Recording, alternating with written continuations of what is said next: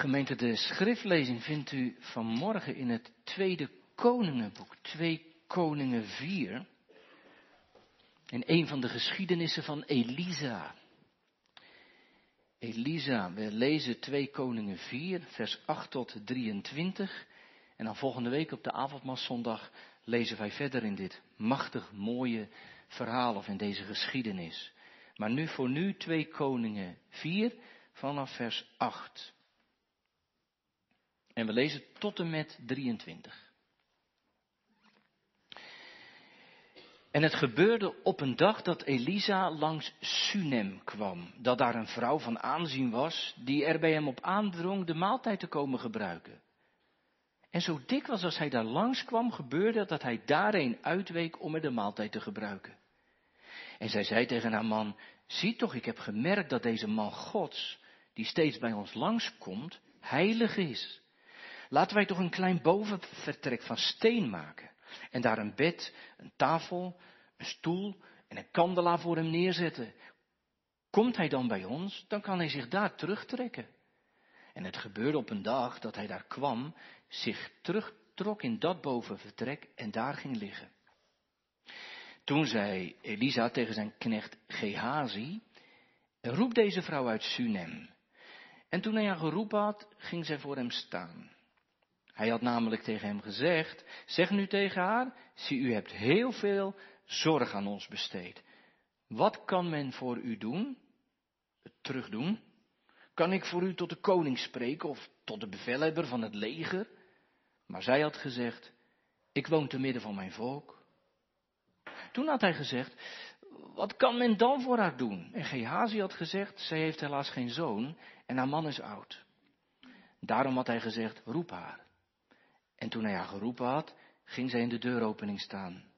En hij zei, op een vastgestelde tijd, over een jaar, zult u een zoon omhelzen. Maar zij zei, nee, mijn heer, man gods, lieg niet tegen uw dienares.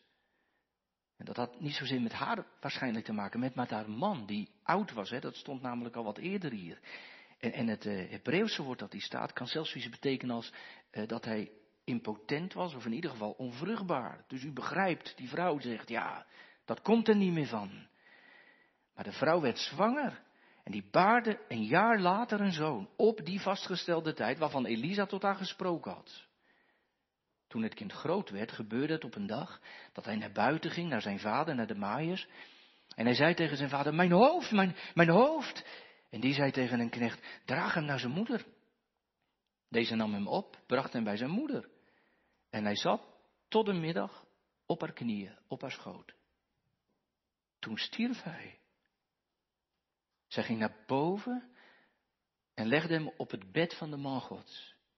Daarna sloot zij de deur achter hem en ging naar buiten. Zij riep haar man en zei, stuur mij toch een van de knechten met een van de ezelinnen, zodat ik snel naar de man Gods kan gaan. Daarna kom ik weer terug. En hij zei, waarom ga je vandaag naar hem toe? Het is geen nieuwe maan en geen Sabbat. Maar zij zei, het is goed zo. Tot zover de schriftlezing. Gemeente, tekst voor de preek is dus uit 2 Koningen 4, vers 23. De vraag, waarom ga je vandaag naar hem toe? En het is voorbereiding heilige avondmaal, dus daar heeft natuurlijk wel een lijntje. Waarom ga je naar hem toe? Waarom ga je naar het avondmaal toe? Waarom ga je naar dat avondmaal toe op het moment dat de nood aan de man is, de roep uitgaat? Waarom ga je vandaag naar hem toe? Gemeente, soms heb je dat dat iets echt niet kan wachten.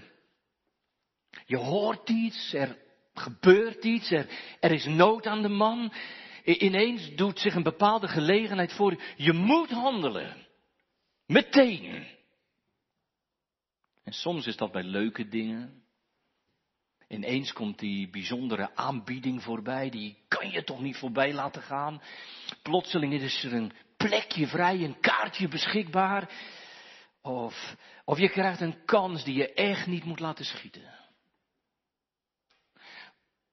Of soms kan iets niet wachten om minder leuke dingen.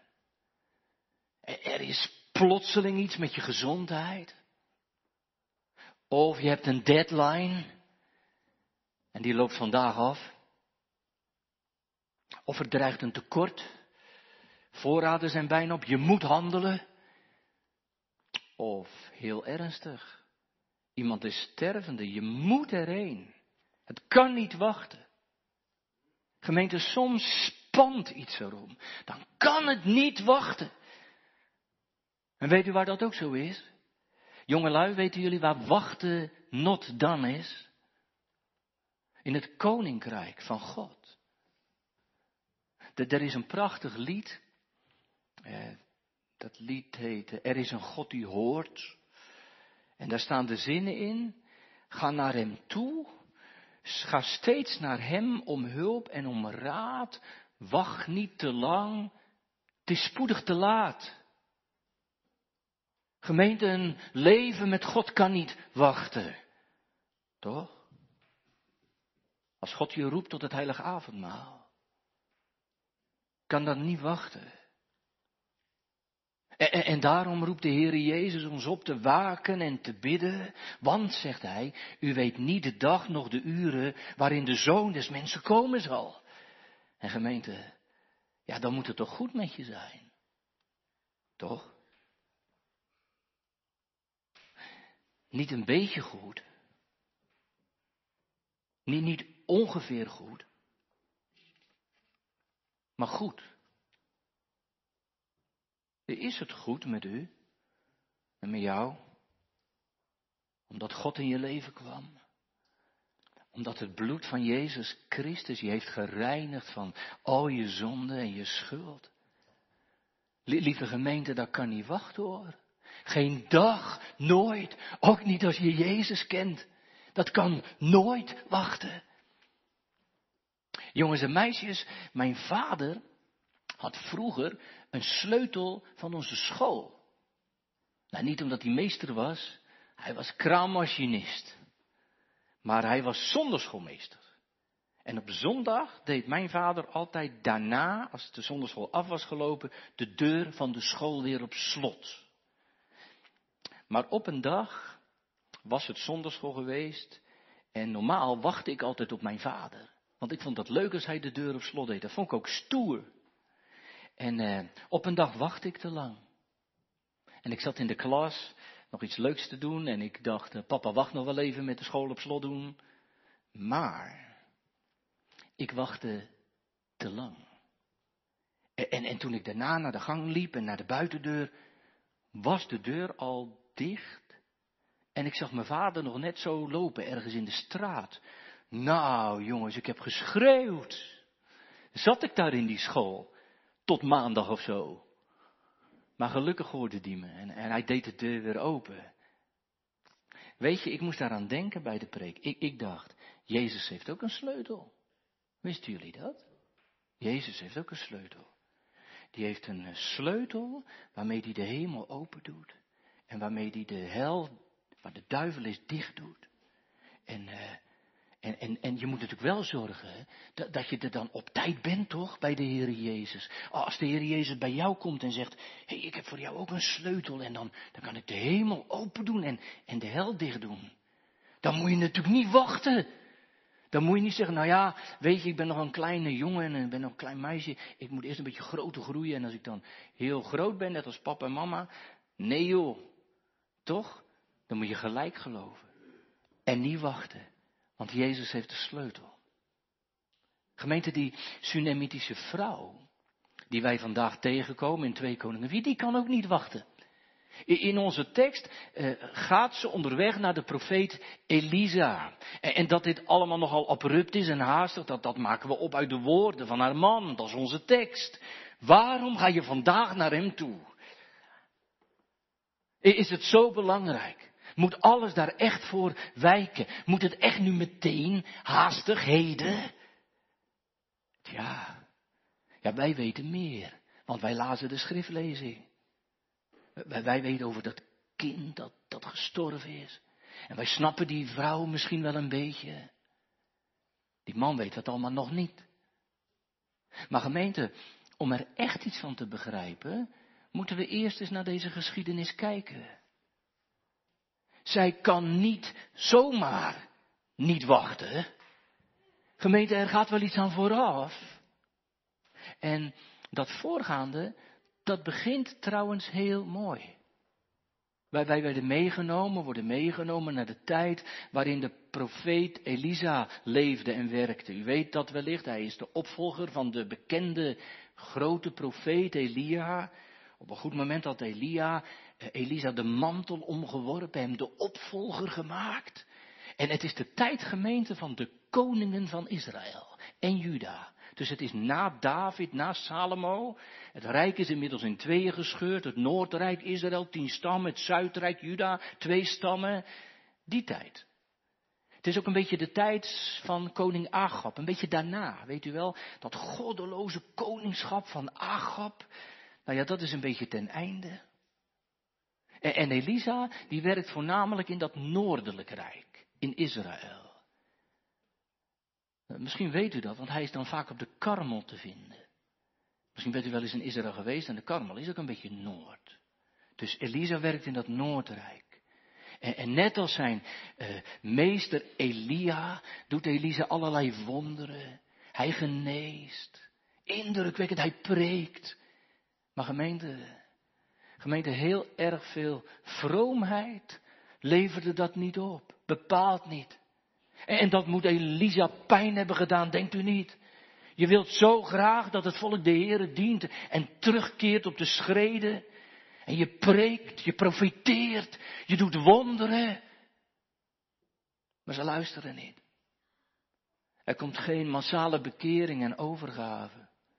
En wat gemeente, wat moet het daarom voor Elisa een verademing zijn geweest als hij in Sunem kwam. Dat kleine dorpje in het vruchtbare dal van Jezreel. Dat was ook niet ver bij de karmel vandaan, waar Elisa vaak te vinden was. En als, en als uh, Elisa in Sunem kwam, dan werd hij daar allerhartelijkst ontvangen door, door deze vrouw die wij vandaag tegenkomen. En, ze was een vrouw, schrijft de koningenschrijver, van, van aanzien.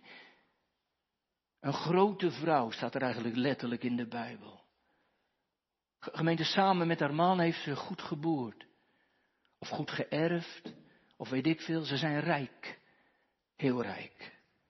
En weet je wat zo mooi is? Weet je wat zo mooi is aan deze vrouw en haar man die daarin meedoet? Haar rijkdom gebruikt ze ook om Elisa te verzorgen, om hem onderdak te bieden als hij in het dorp is. En op een goed moment besluit ze met haar man om, om een extra kamer voor hem te bouwen op, op het dakterras, waar hij kan verblijven als hij daar is. Iets van steen, eh, een echt vaste optrek. Weet je wat het is, gemeente? Weet je wat het is met deze vrouw? zij weet dat aardse rijkdom niet alles is.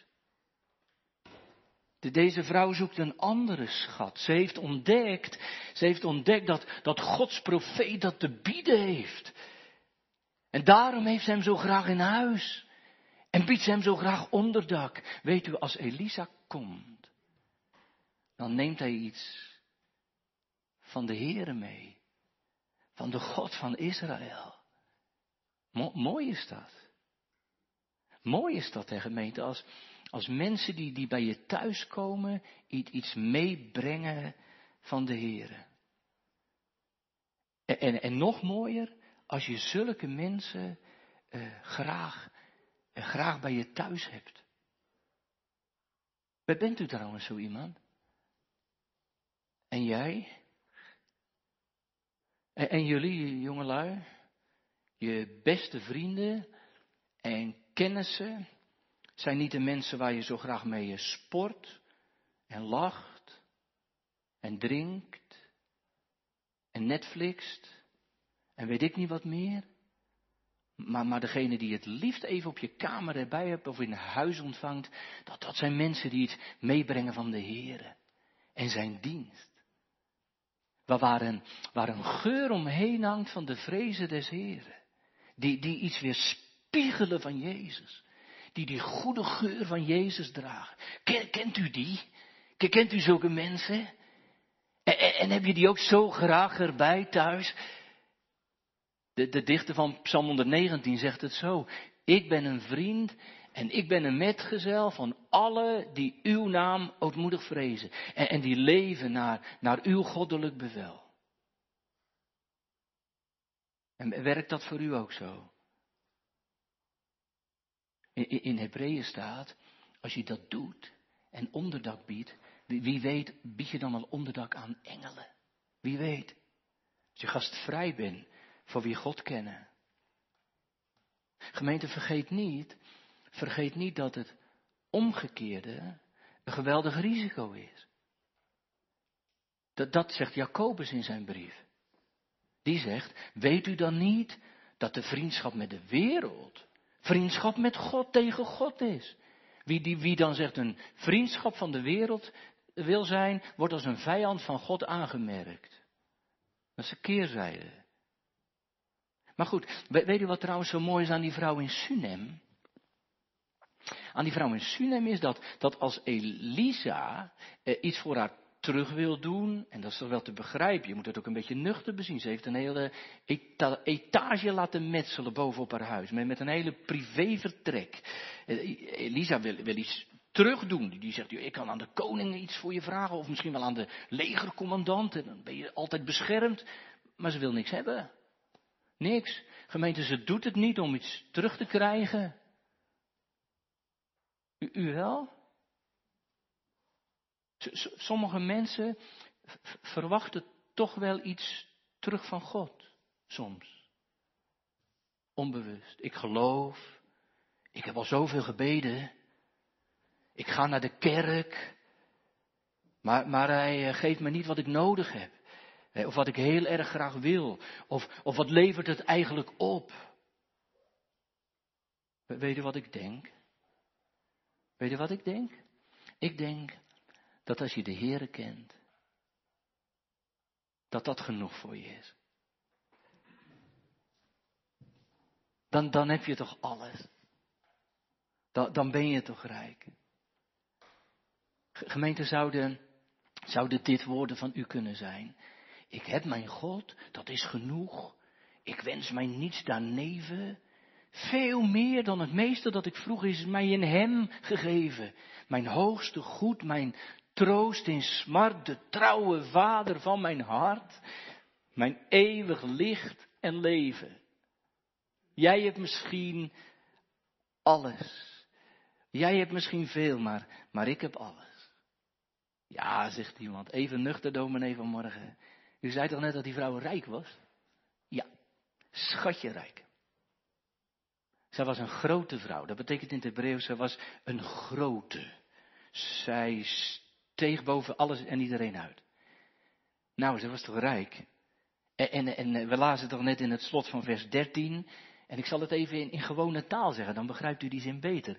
Het slot van vers 13, eigenlijk zegt ze daar, eh, ik leef hier eh, onder de mensen en ik ben volkomen tevreden. Zoiets, ik leef te midden van mijn volk. Ik heb mijn natje en mijn droogje, ik, ik heb alles wat mijn hartje begeert, ik, ik heb niks meer te wensen. Zoiets. Ja, zegt u dan, dan is het toch makkelijk om niks te willen.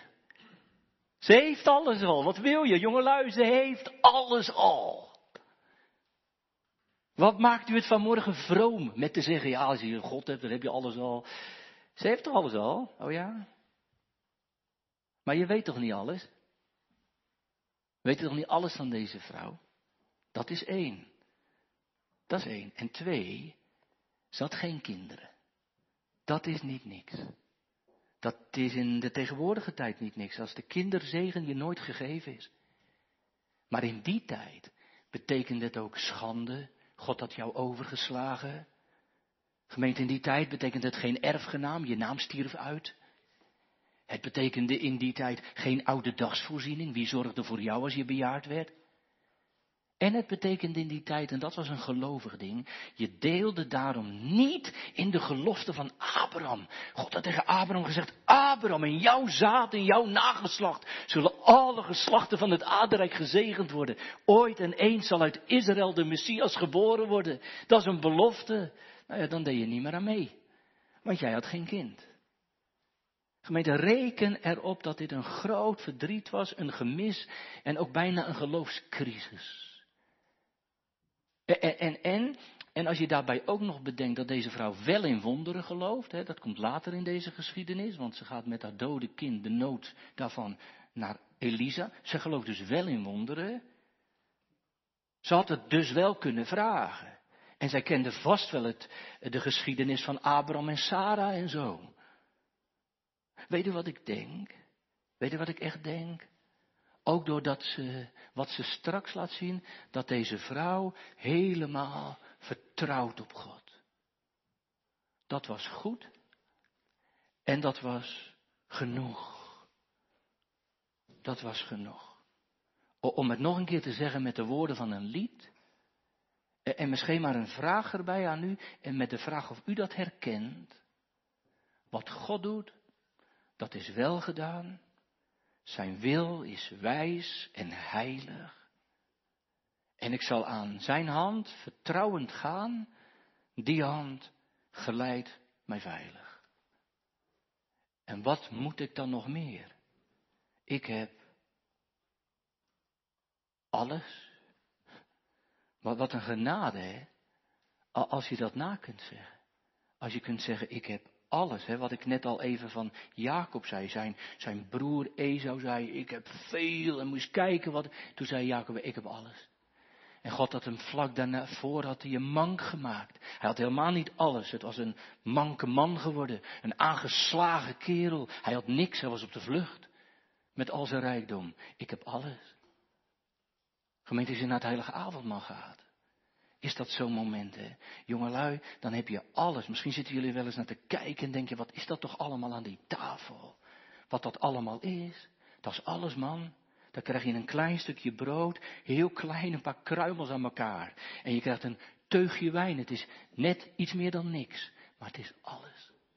Omdat het mij zegt dat Jezus mijn Christus is. Omdat het mij zegt dat al mijn zonden vergeven zijn. Omdat het me vertelt dat ik een erfenis heb in de hemel en Jezus in mijn hart. En dat het me allemaal gegeven is uit genade. Ik heb alles. Ik heb mijn God. Dat is genoeg. Dan heb je alles. Jongens en meisjes. Hebben jullie eigenlijk veel? Heb jij veel spullen? Veel dingen?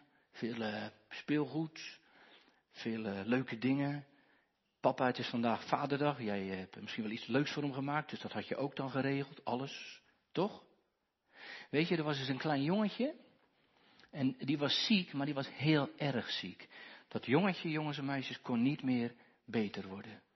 En het zou niet lang meer duren voordat hij zou sterven. Maar hij was vlak voordat hij stierf nog een keertje jarig. Echt waar.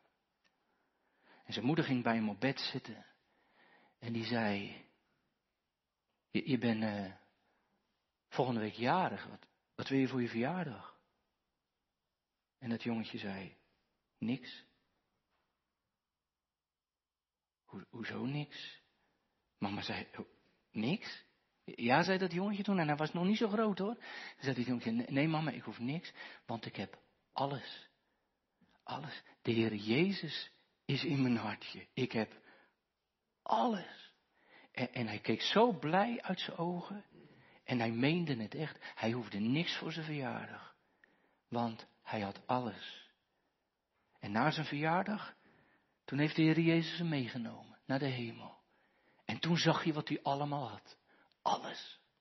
Als je Jezus hebt, heb je alles. Ja, gemeente, en dit vertrouwen, dat vertrouwen op de Heer, dat je alles hebt en dat je aan zijn hand gaat, dat, dat wordt misschien wel spannender als je ziet hoe het leven van die vrouw daarna gaat, toch? Nee, ze vroeg geen gunst. Niks aan Elisa, maar, maar Gehazi, Elisa's knecht Gehazi, die hier voor het eerst voor de dag treedt, die brengt haar kinderloosheid bij Elisa ter sprake.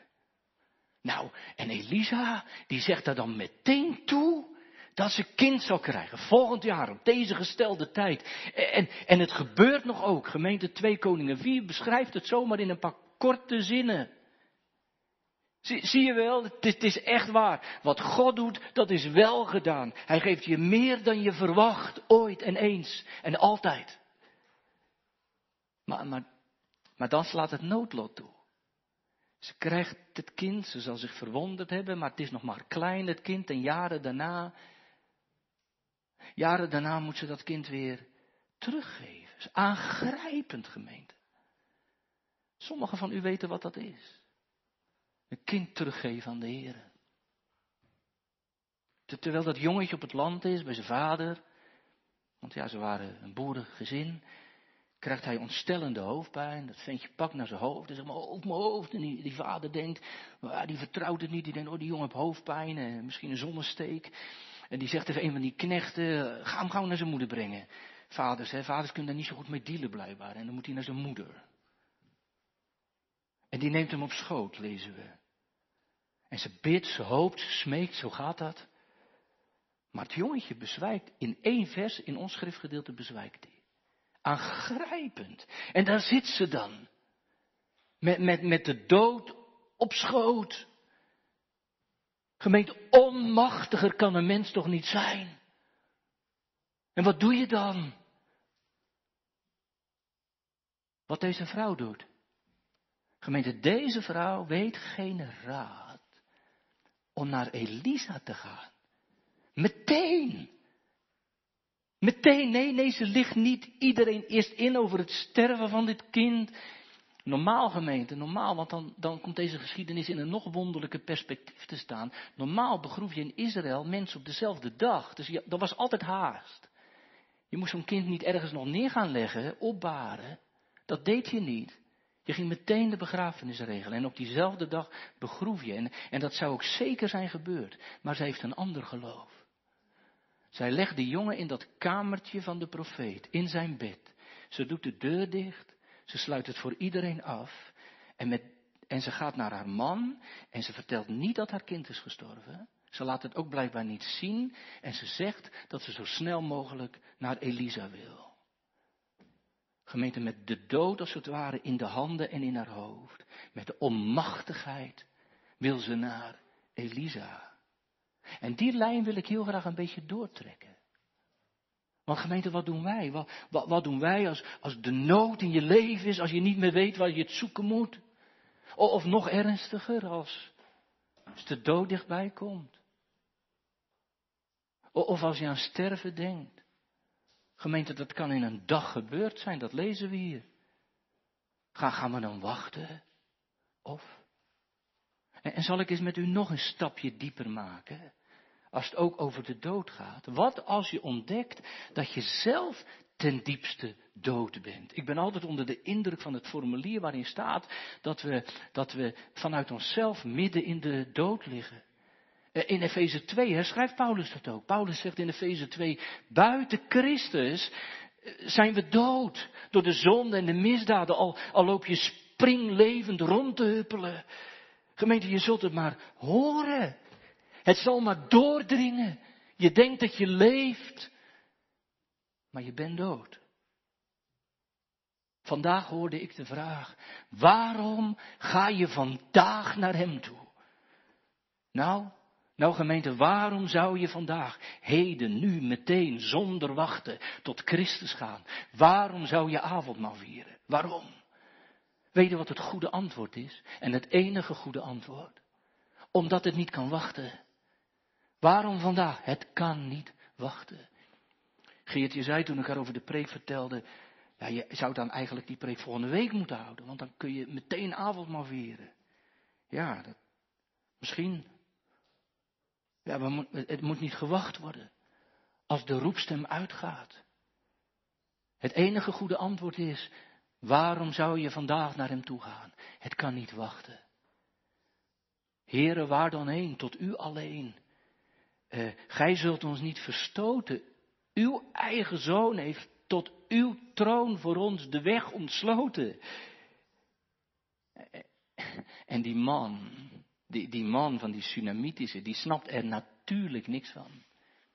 Niks. Misschien zegt iemand van u, maar waarom vertelde ze het niet? Ze had het toch met hem kunnen delen. Ze hebben toch ook samen dat wonder ervaren van dat kind krijgen. Dan had hij dat... Waarom heeft ze het niet gedeeld? Ik denk, gemeente, omdat, uh, kijk, dat jongetje zou dan misschien die dag begraven moeten worden. Uh, misschien als ze het gedeeld had, waren ze samen in een hele andere flow gekomen van verdriet en radeloosheid en wachten. Misschien kende ze haar man.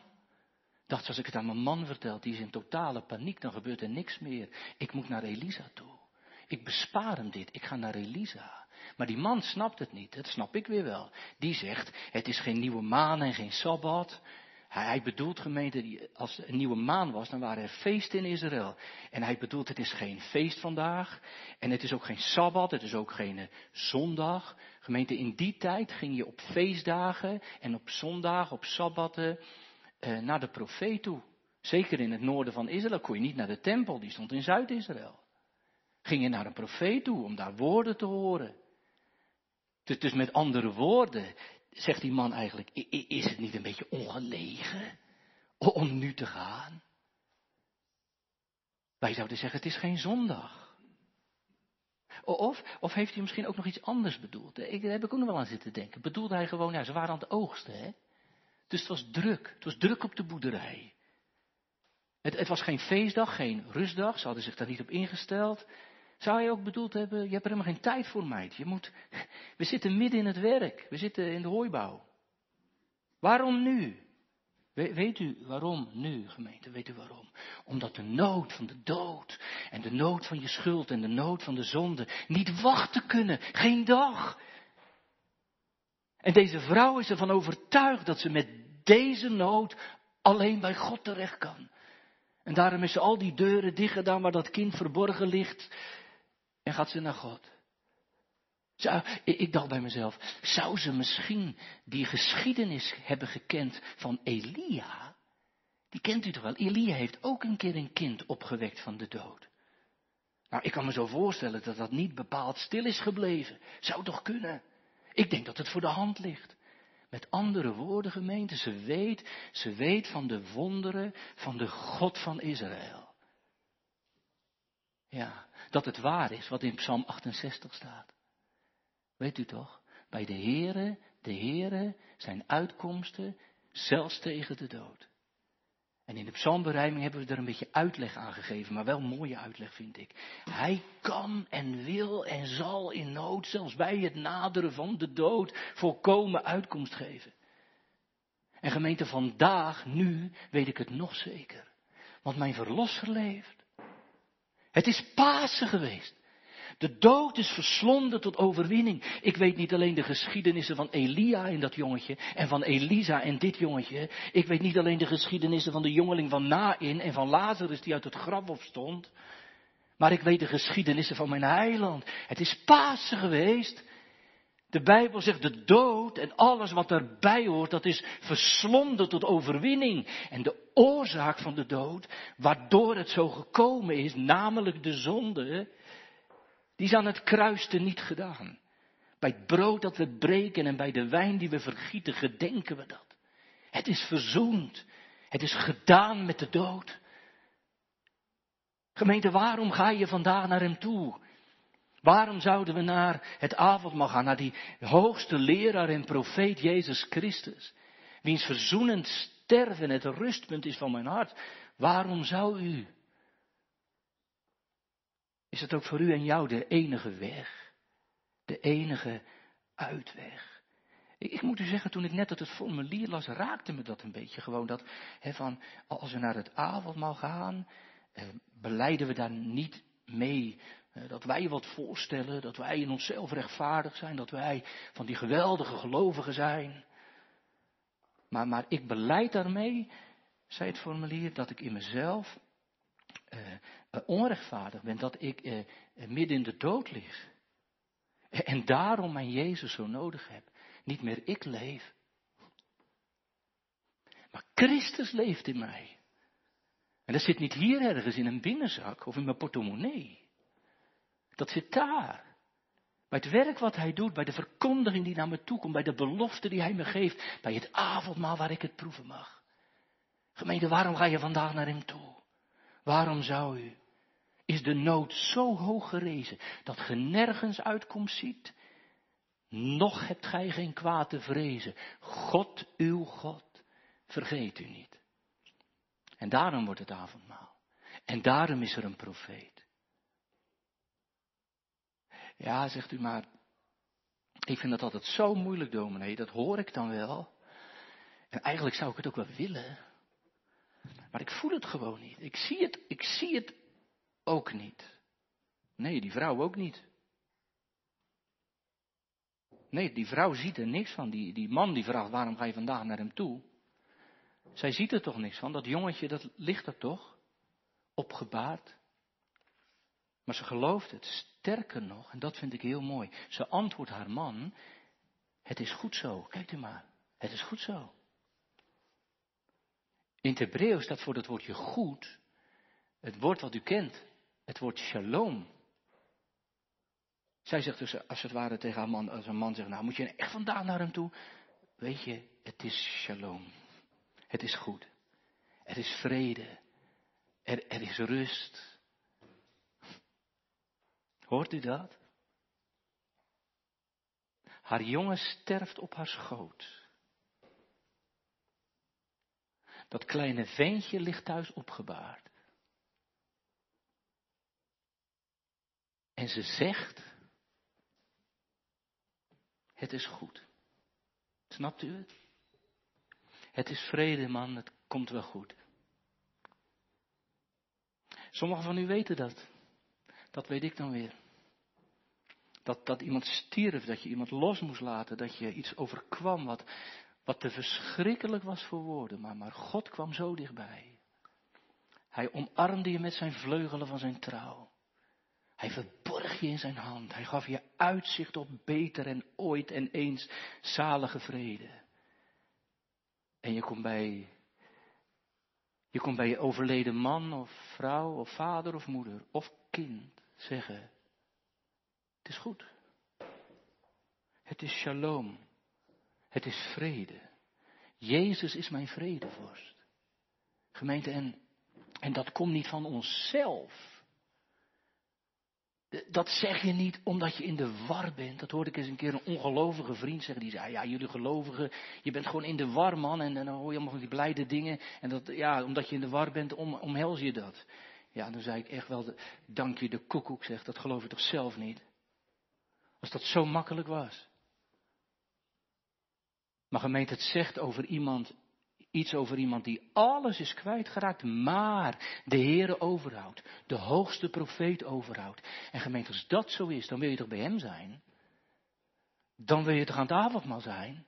Dan is het toch goed, dan krijg je dat toch weer, dan, dan ervaar je het toch weer, dan, dan raakt het je toch weer aan. Waarom ga je vandaag naar hem toe? Waarom niet? Omdat ik geen andere uitweg zie.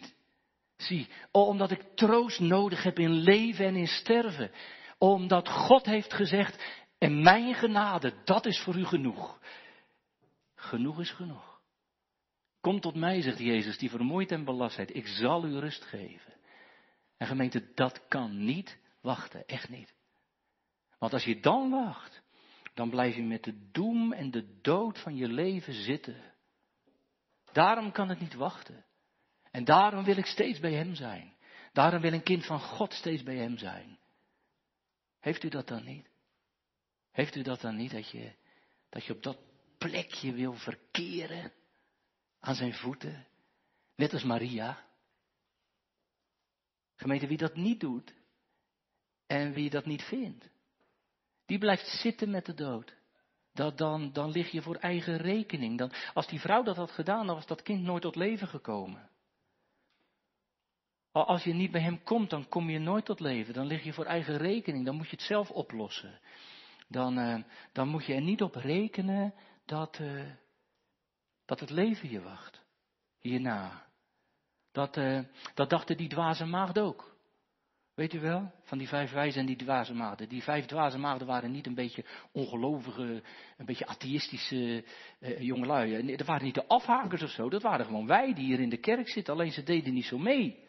Die, die dwaze maagden, die dwaze meisjes dachten, ah, het komt wel goed, we hebben toch ook een lamp. En we gaan toch ook de bruidegom tegemoet, gezellig, chill, dan gaan we hem straks ontvangen, dan gaan we ook bruiloft vieren. En uh, komt hij nog niet? Nou, ah, komt het vandaag niet, dan komt het morgen wel. Ja, maar dat ging niet goed. Ik ben wel eens bang dat veel mensen zo in de kerk zitten. Ook in Silas Hoek. Er, ervan uitgaan dat het allemaal goed komt, vanzelf. Maar gemeente, u moet van dood levend worden. Van dood levend worden. We hebben een nieuw hart nodig. We hebben die hoogste profeet en leraar, Jezus Christus, nodig. We hebben een verlosser nodig die de schuld verzoent, die onze dood niet doet. Zijn naam is Jezus. En hij breidde zijn handen uit naar ons aan het kruis. Hij deed dat om ons hele verloren en verdoemde leven te verzoenen. En hij betaalde de rekening van de dood met zichzelf, met zijn eigen bloed, uit onvoorstelbare liefde zodat we naar hem toe kunnen gaan. Waarom ga je vandaag naar hem toe? Waarom gaan jullie volgende week avondmaal vieren? Hebt u dat ook? Hebt u dat ook, dat dat, dat, dat niet wachten kan? Het moet. Gemeente, zo gij zijn stem dan heden hoort, heden. Gelooft zijn heil en troostrijk woord. Verhard je niet, maar laat je leiden. En wie hem vindt, die, die vindt het leven. Het leven tot een eeuwigheid. Het leven door zijn lof bereid. Ik verlang naar. U ook? Amen.